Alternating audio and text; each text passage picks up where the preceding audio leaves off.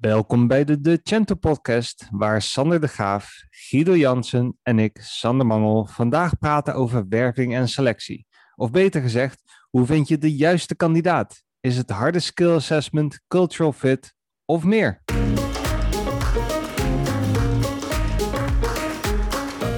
Sander, als expert van het inhuren van, van, van personeel, want jij bent de enige hier met een eigen bedrijf. Wat is jouw insteek? Waar, waar haal jij ze vandaan, het Dream Team? Ja, ik ben vooral benieuwd naar het en heel veel meer wat Sander net zei. ja, precies. Ten eerste, het, het kiezen van een, uh, van een team, um, dat, dat is natuurlijk ja, gewoon heel erg lange termijn strategie. Er is echt niemand, zelfs niet de meest seniore medewerker, die vanaf moment één dat je weet van dit gaat altijd goed of gaat altijd mis. Of je, je, je moet het op de langere termijn zien. En soms heb je wel eens van die, uh, van die uh, breiwerkjes die niet helemaal goed gaan. Um, maar meestal gaat het, uh, gaat het wel goed. En dat, dat, is ook wel een beetje het punt waar je naar moet streven, denk ik. Um, dat je jezelf als opdrachtgever in ieder geval moet vergeven dat het af en toe een keertje misgaat. Uh, maar waar let ik op? Ik let altijd op een paar dingen natuurlijk. Enthousiasme. Dat is het allerbelangrijkste. Als iemand niet erg enthousiast overkomt, of zoals ik laatst had tijdens de sollicitatie, minimaal twee keer zat te gapen, gaat niet gebeuren. Als iemand een brief stuurt, boordevol met spelfouten, gaat niet gebeuren als iemand niet even de moeite neemt om een normaal briefje te typen, zoals zoiets als uh, hier bij mijn cv, ik hoor het wel. Dit is geen grap. laatst weer overkomen. Um, gaat niet gebeuren. Een beetje enthousiasme. Daar begint het mee. Um, en uh, vanaf daar uh, kan het, ben ik heel flexibel. Um, kijk, wij zijn een bureau wat, wat hele technische inslag heeft. Dus we zoeken vooral mensen die natuurlijk kunnen coderen. En daar um, op zijn minst ook wel een beetje passie voor hebben. Het liefst ook een beetje ervaring. Um, maar we hebben ook gezegd van nou, als we dit op de lange termijn zou beschouwen, dan, um, dan mogen wij best wel investeren in, in jonge talenten. Ja. En we hebben dat de Johan Cruijff strategie genoemd. Dat wil dus zeggen dat uh, Johan Cruijff altijd gezegd heeft, joh, als je nou goede voetballers wil opleiden, dan moet je al beginnen bij uh, de jongste junioren. Daar moet je ze al in een bepaald systeem drillen. En als ze dat dan goed doen, dan komen ze vanzelf uiteindelijk wel bovendrijven. Nou, we hebben zelf ook een soort uh, afgeleide daarvan, de Johan Cruijff strategie. Um, wij vragen heel veel jongens, meiden, om bij ons te komen stage lopen. We hebben altijd plek voor twee, drie stagiairs, het hele jaar door. En dat is, uh, dat is eigenlijk de plek waar wij, waar wij altijd wel, wederzijds, hè, dus ook voor de stagiair, kunnen bepalen joh, dit gaat werken of gaat niet werken. En um, ons doorgroeipercentage van stagiairs naar vaste medewerkers is ook relatief hoog. Ik denk dat dat zeker rond de 80% ligt.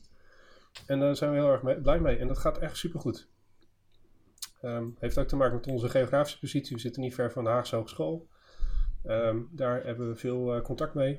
Maar ook met uh, de TU Delft, Universiteit Utrecht, Universiteit Leiden, HRNO, Rotterdam. Dus we hebben heel veel influx altijd van, uh, van stagiairs en dat werkt eigenlijk supergoed. Uh, maar dat betekent wel dat je dus moet accepteren dat die mensen wel inderdaad in de beginfase van hun uh, ontwikkeling staan. En dat doen we, dat accepteren we ook. Maar dan moet je wel een, een heel ontwikkeld traject klaar hebben liggen, zeg maar. Want je wil natuurlijk wel dat die mensen op een gegeven moment geld gaan opbrengen. Ik bedoel, een stagiair kost niet al te veel, maar zeker als je ze in dienst neemt, het moet wat opleveren. Ja. Dus ho hoe lang duurt het dan ongeveer voordat iemand ja, productief is, zeg maar, voor jou, voordat dat die geld begint op te leveren? SEC, SEC beschouwt als uh, um, uh, wanneer is iemand declarabel genoeg om te zorgen dat hij zichzelf terugverdient. Ja. Dat is vaak wel vanaf moment één. Um, maar dat ligt ook uh, de mate van inzetbaarheid die wij zelf creëren in projecten. Kijk, als jij verwacht van iemand die net van school afkomt, dat hij wel eventjes een project op zichzelf kan draaien en dat ook nog eens een keertje perfect gaat doen. Ja, dan ben je natuurlijk op zijn minst optimistisch. Ehm, dus je moet ook wel mensen goed laten meelopen in de teams die, die lopen. En vanaf dat moment kun je wel uh, zorgen dat ze uh, gewoon goed meelopen in projecten en ook echt een, een goede bijdrage daaraan hebben. Um, op het moment dat de, dat, dat, dat um, goed gaat lopen, dus dat de projecten goed gaan lopen, dat er ook zoiets begint te ontstaan als een bewustzijn over financiële consequenties van als het een keertje niet goed gaat, um, ja, dan, dan, dan gaat het echt een goede kant op. En dat kun je eigenlijk maar doen op het moment dat iemand ook echt, echt meteen volop meedoet in projecten. Daarnaast hebben we natuurlijk heel veel interne projecten waar we iemand ook uh, natuurlijk uh, laten kennismaken met allerlei snufjes en dingetjes die uh, hiermee te maken hebben. maar het belangrijkste van alles als werkgever zijnde is zorg dat mensen meteen voor het echt meedoen. Dus zorg dat ze op het moment dat ze meelopen, niet het gevoel hebben dat, dat, dat, dat ze er een beetje bij hangen of zo. En dat is in deze coronatijd al super lastig. Voor alle medewerkers, laat staan voor mensen die net nieuw begonnen zijn. Uh, maar dat is mijn, mijn, overtuiging op het moment dat iemand uh, aanschuift, meteen in projecten meedoen. En bij maar... wees gewoon richting je opdrachtgevers ook, ook, eerlijk over. Joh, dit, dit zijn mensen die net begonnen zijn, die zetten we ook in een team. Um, ja. Daar ga je dat en dat aan hebben. Um, is, kun je daarvan verwachten dat ze de, de hele wereld in één keer eventjes wereldvrede brengen en dergelijke? Nee, nee, nee, natuurlijk niet. Maar onze klanten snappen dat over het algemeen ook heel erg goed. Ja, maar je, je, hebt, je zegt, je laat ze meteen meewerken op, op gewoon klantprojecten. Nou, dat is, dat is helemaal top, denk ik. ik denk dat je daar heel snel van leert. Maar er zijn ik kan me voorstellen dat er ook genoeg basics zijn die je even wil door, doornemen, zeg maar, voordat, je, voordat ze wat gaan doen. Zeker met Magento. Ik weet niet, de, meest, de meeste mensen die je aanneemt, ik gok dat ze geen Magento-kennis hebben als ze van de universiteit afkomen. of, of hogeschool, of waar ze ook vandaan komen. Um, dus, dus daar heb je ook een soort opleiding traject intern of zo. Hoeveel tijd zijn ze daarmee bezig? Ja, kijk, we, we hebben zeg maar drie pijlers waar we mensen proberen in te ontwikkelen. ten eerste, we zijn een een bedrijf wat zich in de e-commerce bedrijfstak uh, bevindt. Dus je, je, je, moet wel iets met e-commerce hebben. Uh, je moet e-commerce ook wel een beetje snappen. Ze moeten wel eens wat online besteld hebben. ja. Maar bijvoorbeeld, um, je moet snappen dat het niet kan dat je je shop eventjes een hele dag plat legt. Um, dat, dat is een redelijk bazaal gegeven voor iemand die in de sector werkt, maar iemand die net van school afkomt, hoeft dat niet meteen heel logisch te zijn. Um, maar e-commerce is een, is een wereld op zichzelf. Uh, natuurlijk onwijs complex met heel veel spelers, heel veel verschillende mensen, um, heel veel verschillende partijen, heel veel verschillende specialismen. Soms super professioneel, soms echt nog cowboywerk nou, en alles wat ertussenin zit. Ja, je moet er wel een beetje gevoel voor krijgen. Tweede is dat je, uh, je werkt in een uh, omgeving, uh, um, ja, een DevOps omgeving. We werken op projecten en we werken in operations tegelijkertijd. En wat je s ochtends plant, hoeft niet per se de rest van je dag te bepalen dat kan nog wel eens een keertje wijzigen. En dan moet je ook mee leren omgaan. Hoe doe je dat eigenlijk, DevOps werk? Wat is dan precies je rol? Wat is ongeveer je rol? Laten we daar eens mee beginnen.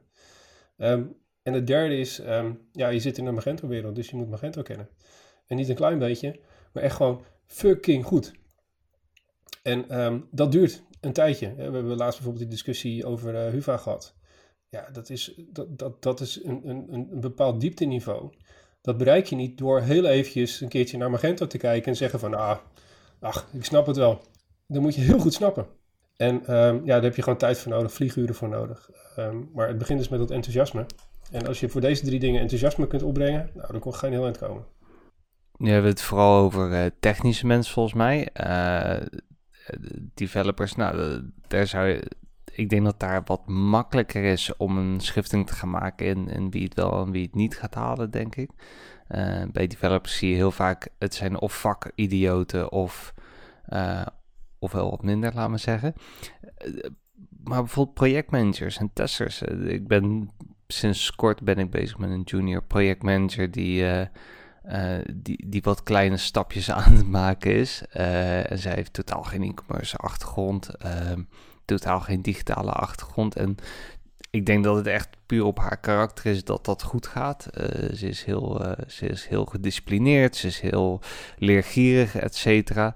Um, ja, daar zie je wel dat ze dingen snel oppikt, dat ze, dat ze in Magent al een beetje de weg kan vinden uh, en dat ze op zich de concepten wel snapt. Maar ja, dat zijn toch de lastigere posities, zeker voor juniors. En, en, en ik, denk, ik denk toch wel, we willen allemaal wel die, die, die junior met vier jaar werkervaring, maar dat, dat is niet realistisch over het algemeen. Uh, daar merk je dan toch wel dat je, dat je meer moet gaan kijken naar de karaktertrekken dan, dan naar de, de cv. Waar kijken jullie bijvoorbeeld naar de, als het aankomt op, op karaktertrekken voor dat soort functies?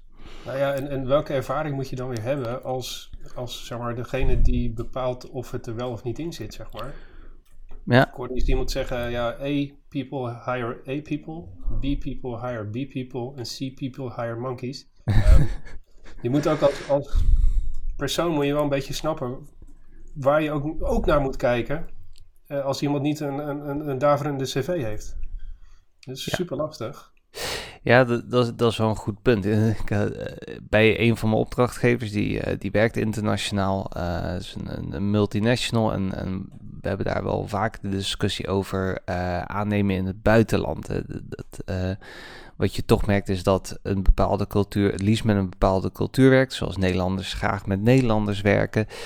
Je, je, hebt daar best wel wat, wat culturele barrières te, te, te, doorbreken op het moment dat je crossborder gaat, gaat inhuren. Wat je toch vaak ziet bij, bij multinational teams of bij internationale teams is dat ze van ja, ja, we hadden heel veel internationale kandidaten, maar de klik was er niet echt.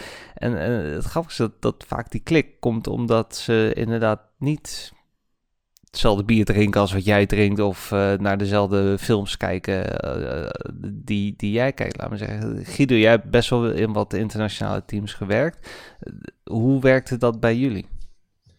Ja, ik kijk vooral als ik, als ik sollicitaties doorga naar, uh, ja, hangt natuurlijk wel een beetje van de rol af. Maar als, als het, waar we het net over hadden, als mensen zijn die net van school komen, ja, dan ga ik er inderdaad niet vanuit dat ze de, de, dat klinkt een beetje gek, maar dan ga ik niet vanuit dat ze de skills hebben die ze, nou, die ze nodig hebben voor de job. Omdat het, nou ja, CRO specifiek um, is niet iets wat heel veel mensen op school krijgen. Dat, dat ze Magento niet vaak gezien zullen hebben als ze op school zitten. Um, dus dan gaat het mij vooral voor uh, om, de inzet, zeg maar, en hoe enthousiast ze overkomen, wat ze willen leren. Um, en uh, ja, dat ze misschien niet uh, nog snappen hoe Google Analytics werkt. Ja, dat, dat, dat stuur ik ze op een cursusje en dan laat ik ze wat analyses doen en dan gaan we dat bespreken en dan komen we daar wel achter. Um, en, en, en daar kijk ik vooral naar, van hoe snel gaan ze dat oppakken. Um, en um, ja, of ze dan al een keer een AB-test hebben gedaan, dat, dat maakt me dan niet zo heel veel uit. Voor, in ieder geval niet voor een juniorrol. En, en liep je dan ook tegen die culturele barrières op? Hè? Want je, je hebt ook bijvoorbeeld met Zweden gewerkt. Nou, ik denk dat, dat een Zweed vinden die heel enthousiast een uh, sollicitatiegesprek binnenkomt. Dat, good luck. Die, die, zijn nooit, ja, die zijn nooit enthousiast. Dus, dus hoe, hoe breek je daar doorheen? Hoe, Waar, kijk je dan naar? Dat is inderdaad wel een lastige. Ook, ook uh, Oost-Europeanen hebben er ook wel een uh, handje van om inderdaad uh, een beetje stoïcijns aan de andere kant yes, van de tafel I'm, te I'm zitten. very excited to work with this solution. Ja, verder zijn we helemaal niet ja. bevooroordeeld of zo, maar dat, is, dat is wel een beetje wat je ziet inderdaad. Ja. Um, maar ja, dan, dan, probeer je er inderdaad achter te komen van um, ja, hoe, hoe gaan wij met die persoon communiceren? Is er überhaupt op, op afstand of komt die persoon in een team te zitten? Ehm, hoe gaat hij met opdrachten om? Hoe communiceert iemand dat? Want heel veel communicatie gaat natuurlijk gaat gewoon via Jira of Slack of dat soort middelen. En dan hoef je iemand niet per se super leuk te vinden of super enthousiast uh, over te komen. Uh, maar als ze maar wel snel stappen kunnen zetten in het leren met wat ze, wat ze, aan, wat ze aan het doen zijn, zeg maar. en ja, dat, dat moet je een beetje proberen te achterhalen. En dat kan ook, kijk, dat is, dat is misschien lastig met een, met een gesprek. maar je kan ze ook wel een opdracht geven natuurlijk. een klein opdrachtje als een soort van assessment voordat je iemand aanneemt. Dat, dat, dat gebeurt wel steeds vaker. Ja. En, en hoe belangrijk is het, in, uh, zeker, zeker wanneer je uh, niet een verschrikkelijk homogeen bedrijf wil hebben van allemaal blanke witte mannen van een, een, jaar of dertig, om, om helder te hebben voor jezelf hoe, wat, wat voor een bedrijfscultuur je hebt? Uh, en daarmee bedoel ik niet, uh, oh, op vrijdag uh, drinken we een biertje en doen we tafelvoetbal. Maar hoe, hoe, belangrijk is het om, om dat ergens gedefinieerd te hebben? Hoe gaan we met elkaar om? Wat vinden wij belangrijk? En noem maar op. helpt dat met het inhuren van, van mensen? Is het ook iets wat je duidelijk moet communiceren, denk je? Um, we weten dat jij een andere culturele achtergrond hebt, maar dit zijn onze waarden. Dus voel je je daarin thuis? Ja, dit is een onwijs moeilijke vraag. Ja, daarvoor ja, zitten we hier, om, om echt ja, door te... Uh, hè? Want ik, ik zit even zelf na te denken van, wat voor cultuur hebben wij eigenlijk bij onze club dan? Of, de, de, de, ik, ik, durf het eerlijk gezegd niet eens te zeggen. Um, dus het is wel moeilijk om dat zeg maar, expliciet te maken en er ook nog eens een keertje naar te acteren. Ik denk wel dat het, uh, ja, wat ik al zeg, nu in coronatijd, legt wel heel veel van je, van je cultuuraspecten bloot. Um, je kunt uh, um, op dit moment eigenlijk zo moeilijk nog vertrouwen op um, ja, dingetjes die normaliter wel automatisch gaan. Bijna alles moet je regelen. En een van de vragen dus die, die je eigenlijk bijna nu stelt, denk ik, is kun je cultuur regelen? En dat vind ik wel een hele lastige, moeilijke vraag. Ehm, kijk, als je allemaal bij elkaar in een hok zit, dan gaat dat min of meer automatisch. Maar, wauw. Nee, ik weet eigenlijk het antwoord niet zo. Ik weet niet of jullie daar een mening over hebben. Nou ja, je, je weet als, als bedrijf, je, weet denk ik wel gewoon, gewoon praktisch van wat je eh, verwacht van mensen, zeg maar. Dat, dat proberen we uit te spreken. Van als ik een mailtje stuur of een berichtje stuur, verwacht ik dan binnen een uur uh, reactie, verwacht ik binnen een dag reactie. Uh, zeker bij remote werk is dat, dat, wel, dat wel belangrijk. Um, en um, ja, hoe, hoe, je met elkaar omgaat, dat is wel iets wat, ik, uh, wat we proberen te bespreken tijdens een sollicitatieprocedure. Um, uh, en, en een vrijdagmiddag hoort daar misschien ook bij. Uh, dat, dat, en dan gaat het niet specifiek over die vrijdagmiddag, maar dat geeft een beetje aan van oké, hoe gaan we met elkaar om? Komt iedereen er opdagen of niet? Uh, of, zit je dan met uh, twee man van de, van, van de 200 uh, die op een vrijdagmiddagborrel zit? Of doet iedereen naar mee? Hebben we, hebben we uitjes naar een wintersportgebied of, of zoiets? maar ook gewoon, gewoon dagelijks. Hoe, hoe, wat, wat verwachten we van mensen? Zijn we goed met documentatie? wat stellen we op prijs? gaat het om, om, om super punctueel zijn? Of uh, vinden we kwaliteit uh, super belangrijk? Uh, ja. ja. Zouden jullie dat ook eh, vertalen naar geld? Je zegt van nou, als je voldoet aan die en die criteria, dan krijg je ook gewoon geld voor. Als een bonus? Of? Ja, bijvoorbeeld een bonus. Of, of zelfs nog erger, als je hier niet aan voldoet, dan na een half jaar verlengen we je contract niet of zo. Ik, nou ja, als iemand geen fit blijkt te zijn, wel ja. Ja, ik, ik merk wel aan mezelf, um, wat, wat ik bij heel veel teams merk of hoe we samenwerken is dat, dat je hoeft echt niet van 9 tot 5 uh, eh, achter je scherm te zitten. Uh, maar als er een meeting is, dan moet je wel gewoon op tijd zijn. Want anders dan uh, zitten mensen op niks, op, voor niks te wachten. Um, ja, in, inderdaad. Het is niet dat je een bonus krijgt als je op tijd bent. Het is meer dat je, dat je een exit krijgt als je consistent niet op tijd bent. En, en ik, ik denk uiteindelijk dat bedrijfscultuur ook, ook het meest wordt beïnvloed door de pet peeves van iedereen in het team. Uh, en daarmee bedoel ik dat, dat, dat onderliggend, hè, afgezien van, van uh, hoe je luncht en dat soort dingen, uiteindelijk wat, wat wel en niet getolereerd wordt, komt toch vooral voort uit, uit wat mensen wel en niet fijn vinden uh, als je doet. Dus, dus inderdaad. Um, eh, eentje die ik wel grappig vind is, per bedrijf zie ik dat er verschil is tussen videobellen met of zonder camera. Sommige bedrijven is het heel normaal dat, uh, dat je tegen icoontjes aan zit te kijken en je begot niet weet of iemand überhaupt naar je aan het luisteren is. Volgens mij zit de helft gewoon koffie te maken en uh, met de kinderen te spelen. En bij anderen verwacht iedereen wel, ja, je, bent uh, attentief en uh, je hebt gewoon een shirt aan. dat is, dat is wel een bare minimum, ja. ja, dat push ik het. En, en ik merk dat dat soort dingen in coronatijd juist wel een soort van de, cultuur van bedrijven zijn. daar, daar wordt op gelet, omdat ik denk als je met elkaar op kantoor zit, is cultuur veel meer een soort van geforceerd dingetje af en toe ook wel. Oh, we lunchen allemaal met elkaar. Of we hebben allemaal om vier uur even tien minuten cupsoep en dat soort dingen. Terwijl met, met, met, ik denk in coronatijd is het toch veel meer van... oké, wat is de bare minimum hoe je met elkaar omgaat? Ja, ik heb het ook wel eens, ik heb wel eens in een, in een team gezeten waar inderdaad uh, één persoon van de 15, 20 of zo. Dat één persoon die echt die gooide hebben overal met de pet naar. Uh, kwam te laat, uh, deed zijn werk nauwelijks, had altijd wel wat te klagen, zeg maar. En, en uh, het is inderdaad hoe, hoe management daarmee omgaat, dat, dat bepaalt een beetje de sfeer ook van, van de rest. als, het dan, als het te lang duurt, dan heeft de rest ook zoiets van, ja, waar doe ik het voor? Want ik stel een beetje mijn beste beentje voor, maar mijn collega die naast mij zit, die, die doet er helemaal niks mee. En, en blijkbaar vindt management allemaal prima, want hij zit er nog steeds. Op een gegeven moment is hij er ook gewoon uitgewerkt. Eh, en, dat was lastig, want hij had een vast contract. Dus dat, dat, duurt dan even. Maar op een gegeven moment ook gewoon die persoon op non-actief gezeld. Want um, het ontslaan duurde, duurde lang, zeg maar. Dat duurt een paar maanden. Dat gaat even overheen. Maar door, door het, functioneren van die persoon, of het misfunctioneren van, van die persoon, ging het hele team zowat aan te onder.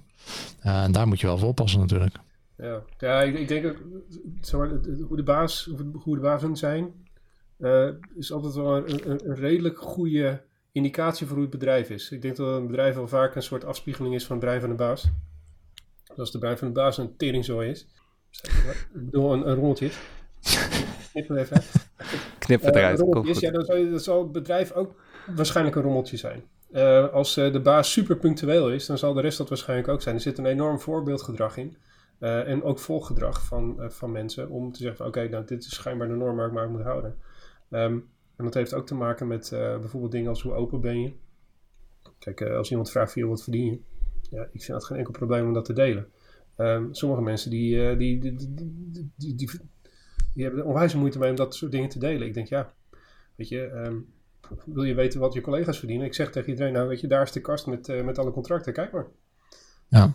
Ja, ik vind dat geen probleem. Maar goed, uh, dat, dat weet ik niet of dat nou zo'n, echt zo'n cultuurding is, maar dat is wel iets wat ik in ieder geval wel nastreef. En ik kan me voorstellen dat er andere bazen zijn die dat niet hebben. Ja. Nou, ik denk wel dat dat onder uh, cultuur valt. Ik denk dat het juist wel een soort van stukje van bedrijfscultuur is wat dat betreft. Ja. Meer of je, of je dan, dan dat je tafelvoetbal doet of wat dan ook. Het, uh... ja. Hey, e-, e-, even een, een, stapje opzij trouwens. Uh, gelden deze dingen nou ook voor, voor uh, inhuurkrachten? Dus bijvoorbeeld flexibele schil of ZZP-inhuurders? Um... Ik denk het, en dat zeg ik als ZZP'er, ik denk het wel. Ik heb, ik, heb, ik heb bij bedrijven gewerkt waar ik totaal duidelijk niet paste. en dat waren ook afgezien van dat ik op zich mijn werk wel gewoon kon uitvoeren, merkte ik gewoon dat, dat, dat nou, dan, uh, deed ik mijn werk en dan was ik weg, bij wijze van spreken. Uh, zelfs digitaal. Terwijl uh, bij bedrijven waar, waar ik het gevoel heb dat ik aansluit bij de, bij de bedrijfscultuur, ja, merk gewoon dat ik een keer een praatje maak met, uh, met die en die collega. En, en je weet een beetje wat er, uh, wat er met hen speelt. En, en je kan je ook veel meer. Of ik, zet, ik zet me dan veel meer in voor zo'n bedrijf dan, dan waar ik zoiets heb van een stijltje eikels zijn dit. Ik denk dat er wel heel erg van afhangt of, of jij um, een, op een, op een uh, lange termijn contract zit of dat je een, een tijdelijk afgebakend project hebt. Uh, en, en in hoeverre jij met, met die mensen moet samenwerken. Ik bedoel, ik werk ook met freelancers, die doen gewoon af en toe een audit. Uh, ja, zal mij echt een worst wezen wat voor, als, jij, als jij die audit maar goed oplevert. En verder hebben wij bijzonder weinig met jou te maken als, als freelancer. Maar ja, de mensen werken ook samen met mensen die met Magento architecten, waar je wekelijks mee spreekt, zeg maar. En die de business innig moeten kennen om daar een beetje een fatsoenlijk uh, advies over te geven. Ja, dat is een ander verhaal. Ja. Jouw uh, bedrijfscultuur, Guido, klinkt een beetje dictatorieel. Uh. Sorry hoor, maar uh, ja, nee, je moet gewoon je werk uitvoeren en uh, boeit mij allemaal niks. Wauw, oké. Zo. Nee, maar dat, dat, dat is meer dat je bij, bij iemand een opdracht uh, neerlegt om iets te, in het geval van een audit, om iets te evalueren. Dat heeft verder, dat, dat is meer een technische audit, zeg maar. Dat heeft verder, verder weinig met, met, met je team te maken, denk ik. Ja, ja, natuurlijk. Ja, maar, ja. maar, maar Sander, wat je net zei, eh, heb jij ook het idee dat je ingehuurd wordt eh, door mensen die, uh, die ook jou beoordelen op jouw fit met de, met, met de cultuur? Of kijken ze echt alleen naar je cv? Ik denk, als ze het goed doen, kijken ze ook wel een beetje naar... ook wel weer wat Guido zegt. Als ze gewoon even een rapportje willen of wat dan ook... Dan, dan denk ik dat ze meer gewoon kijken naar, naar skills en... en portfolio. Maar als het inderdaad, uh, ik, werk best nog wel eens als teamlead ergens bijvoorbeeld. Ja, dan, dan hoop ik dat ze wel nadenken over de cultuur. Want uh, anders dan wordt het toch een, uh, een, een, heel kort verhaal over het algemeen. Hoe, hoe intensief is het sollicitatieproces voor, voor jou als freelancer? Word je dan vaak uit, of, of gebeurt het ook wel eens regelmatig van oké, okay, hier is je cv, of, of niet, misschien niet eens een cv, kun je een offerte sturen? oh, het ziet er wel goed uit, check. nou, de, het komt best wel vaak voor dat gewoon even, uh, oh, dus je LinkedIn, leuk, uh, laten, we, laten we praten. Uh, de max was geloof ik vier gesprekken voor een audit ja. van acht uur in totaal. En daarna zei ik van, nou jongens, ik ga nu gewoon factureren voor het feit dat je, dat je me steeds uitnodigt voor nieuwe telefoongesprekken met nieuwe mensen. Want ik, ik kende dat hele bedrijf al voor, voordat we begonnen. Dat sloeg helemaal nergens. Nee, maar de, ik, ik wil sowieso wel mijn, mijn leidinggevende spreken en, en het team spreken waarmee ik werk. Dat is voor mij toch wel echt het minimum. Uh, en daar steek ik dan ook graag tijd in want dat is voor mij toch ook uiteindelijk, uh, afgezien van, van eh, van of het goed is of je met die mensen overweg kan. Het zijn uiteindelijk ook wel, in mijn geval, dan een soort van de, de, de gereedschappen waarmee je moet gaan werken. Als, in, als iemand mij inhuurt om een webshop neer te zetten met een bestaand team, ja, dan, dan, dan kan ik wel alles moeten gaan doen. Maar ik heb liever een team waarmee ik een beetje uh, fatsoenlijk door, door één deur kan, die mij ook gaat helpen met het opzetten. Ja, en ik, ik denk ook dat een van de, de, de basisdingen die ik mezelf in ieder geval afvraag is... Kijk, je gaat een intensieve relatie aan met elkaar. Of je nou iemand inhuurt als personeel of als zeg maar, flexibele schil, of hoe je het ook wil noemen. Um, er gaat wel een keertje ergens wrijving ontstaan. Altijd zo. Als je een project met elkaar doet, weet je, als je een huis gaat bouwen, je moet een miljoen stenen opstapelen, de kans dat er ergens een steen scheef zit, kans 100%. Er gebeurt altijd wel wat. Het is altijd Sander die scheef ligt. Ja, heel Zo gek. Ja, heel gek. Uh, maar, nee, maar het punt is, de vraag is even niet zozeer van, uh, gaat het lukken dan om, uh, om, om dat dan nog gerepareerd te krijgen, maar meer, gaat het dan een beetje makkelijk lukken om dat gerepareerd te krijgen? Heb je een beetje vertrouwen in dat iemand ook zo de moeite gaat nemen en de, de, de, de, de doortastendheid, het gochme heeft om dan zijn eigen probleem op te gaan lossen? En ga je eruit komen dan? Ja, dat, dat is eigenlijk iets waar ik ook altijd mezelf wel van afvraag van, hoe, hoe scoort iemand op die schaal, zeg maar? Ja, dat is, ook, dat is ook wel een beetje bedrijfscultuur natuurlijk. Hoe, hoe uh, gaat de manager ermee om dat iemand fouten maakt? Nou ja, tuurlijk. En dat, kijk, de, eh, de, sommige dingen zijn onacceptabel eh, en sommige dingen zijn iets, iets, iets meer acceptabel. En sommige dingen ja, gebeuren nou eenmaal. Kijk, als iemand echt een onacceptabele lijn overtreedt. Kijk, stel dat iemand bij de GGD alle bestaande download. ja, noem eens wat. Hè. Gewoon ja. uh, compleet onethisch, maar zelfs uh, strafbaar gedrag vertoont. Ik heb dat gelukkig nog nooit meegemaakt zelf. Um, althans niet dat ik weet. Luister, ik denk van, oh, dat ik niet erg op te letten. Nou, oké, okay, maar dat ik het weet. Um, dat heb ik niet meegemaakt. Maar goed, dan, dan is het natuurlijk gewoon een dikke schop onder de kont en, en weg ermee. Um, en, maar eigenlijk in alle andere situaties wil je dat iemand zelf zegt van... joh, ik zie dat ik een, een probleem heb veroorzaakt. Ik ga hem ook fixen. En um, we gaan, niet, we, we, gaan niet, niet naar huis bij wijze van spreken voordat het gefixt is. Ja, en dat, dat wil je ook wel van iemand. Ja, je wil van iemand dat soort gedrag hebben. Iemand hoeft niet elke avond over te werken om, om, om te bewijzen dat hij helemaal dedicated is. Maar iemand moet wel uh, in dit soort gevallen wel um, ja, handelend optreden, zeg maar. En ja. dan niet laten vallen. Ja, ik denk, ik denk dat dat inderdaad uh, een bedrijfscultuur die, die van tevoren al zegt, uh, niet van 9 tot 5 en uh, we werken ook graag door daar passeer ik sowieso al voor. Inderdaad. Uh, dat, vind, ook, dat, dat, dat vind dat, ik ook compleet acceptabel. Als dat in een advertentie staat, dan zou ik als, als gemiddelde uh, sollicitant al zeggen van joh. Ja, precies. Dat is geen bedrijfscultuur, dat is gewoon, uh, dat is gewoon slavernij hoor. ja, dat, dat, dat, gaat nooit ergens werken. Althans, vind ik niet. Nou, ligt er een beetje aan hoe ze, hoe ze dat bedoelen, denk ik. Ik zeg ook vaak tegen sollicitanten geen 9 tot 5. En wat ik daarmee bedoel is van ik hoef jou niet om 9 uur te zien. ja, jij gaat mij ook niet om 9 uur zien je mag je dag flexibel indelen. Versus ja. we verwachten dat je, uh, hoewel je voor 8 uur betaald wordt, minimaal 10 uur gemiddeld per dag werkt. Ja, Kijk, als je bij een, een van de fancy accountancy of uh, consulting firm gaat werken, dan wordt het van je verwacht. En uh, als je een keer een weekend vrij wil nemen, moet je dat eerst aanvragen. Um, ja, volgens mij ben je helemaal belachelijk als je daar gaat werken. Dat zou je echt niet moeten doen. Even niet, niet in de laatste plaats, omdat die vrije uren en die vrije dagen, die zijn niet voor niks. Dus Eens. Een beetje normale het, dingen te doen. Ja, die heb je nodig om, uh, om een huis in Italië te kopen. Ja, precies. precies, en op te snappen en wel even te... Heb je minstens, te, minstens te 40 uur ja. per week voor nodig. Precies, precies. Druk leven. Ik denk dat we best wel een heldere samenvatting hebben gemaakt hiervan, oh. uh, van waar we op letten als we, als we inhuren. Uh, enthousiasme is duidelijk één. Uh, cultural fit is duidelijk heel erg belangrijk. skills misschien wel zelfs wat minder. Uh, dat zou je ook nog met een testje af kunnen doen. Heb ik iets gemist? Nou, um, je hebt nog zoiets als uh, het bevoor, bevoordelen, of het bevooroordelen, ik weet niet precies hoe je dat moet noemen, van uh, bepaalde groepen mensen.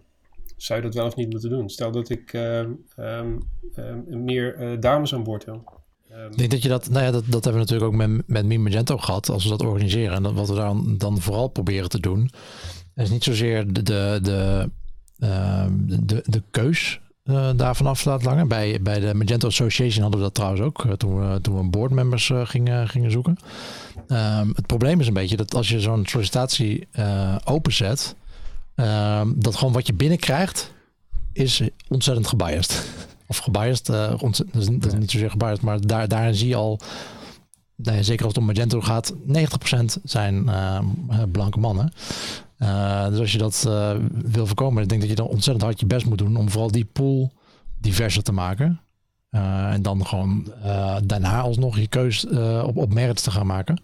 Ja, dat zou je al. Ja, ik, ik, ik geef wat gastcolleges en was laatst weer eens een keertje ergens op een hogeschool. En een, school, een, klas van denk 100 studenten, derdejaars. Nou, misschien twee dames. Hè?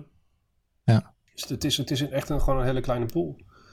En dan kun je zeggen van ik wil meer dames aan boord, maar ja, als ze er niet zijn. Nee, ja, het houdt wel op. Maar, maar je wil dan wel op zijn minst dat die dames wel in jouw pool zitten. Uh, dat je die keuze kan maken. En, en, en dat wil ook nog wel eens. Ik heb er bijvoorbeeld. Oh, en ook, ook met, uh, met, uh, met de CROV podcast. als ik gewoon kijk naar de mensen die zich aanmelden om, of aanvragen van hey, zou ik, een, zou ik bij jou in een podcast mogen? Allemaal mannen. Ehm, dus dan zou ik al een podcast met alleen maar mannen hebben. En ik vind dat het, en uh, ik bedoel, dat is, wat, dat, dat, is gewoon marketing, zeg maar. Dus daar zitten echt meer dan genoeg vrouwen in. Ehm, maar die uh, moet ik gewoon allemaal proactief benaderen. En die willen allemaal wel, als, als je het helemaal vraagt, zeg maar. Maar het is gewoon een andere manier van, van hoe ze daarmee omgaan. Ja, en, ik, ik denk, ehm, ik denk dat dat ook wel natuurlijk een, een, ding is om over na te kijken. Eh, of na te denken. Als ik naar de drie webapps uh, web, uh, website ga, wat zie ik dan op, op die website? Zie ik dan ook, ook dames in het team of zie ik alleen, alleen heren? Als ik een, een interview heb met drie webapps, heb ik dat dan met, met jou, Sander? Of heb ik dat dan met een, een, een vrouw als vrouw zijnde? Omdat ik misschien, dat is, dan, dan kom ik iets minder te midden over. Dus ik denk dat het inderdaad uh, afgezien van, van uh, ze binnenkrijgen, is het ook wel hoe, wat zijn dan de vervolgstappen en zorg ervoor dat, dat, dat het een beetje aantrekkelijk is om, om te solliciteren als minderheidgroep of als vrouw of wat dan ook. Uh, ja, inderdaad. Nou, voor, voor duidelijkheid inderdaad. We hebben het over man-vrouw, maar er zijn nog genoeg andere ja, segmenten die, die we kunnen maken. Um, man-vrouw is misschien een obvious one, maar zijn er, zijn er meer dan genoeg. Uh, we kunnen ook, uh, zeker als je nu remote werken allemaal. Uh, ja, gewoon mensen uit andere landen, andere werelddelen. We zijn door onze tijd heen gelukkig, want anders hadden we echt een antwoord op moeten geven. Zonder de Graaf, Guido Jans, mag ik jullie bedanken voor jullie tijd. Dat mag, en, ga je gang. Laten volgende week alsjeblieft een wat makkelijker onderwerp kiezen. Doorpraten over deze en meer onderwerpen doe je op de Decento Slack groep. Ga naar decento.org slash Slack en meld je aan.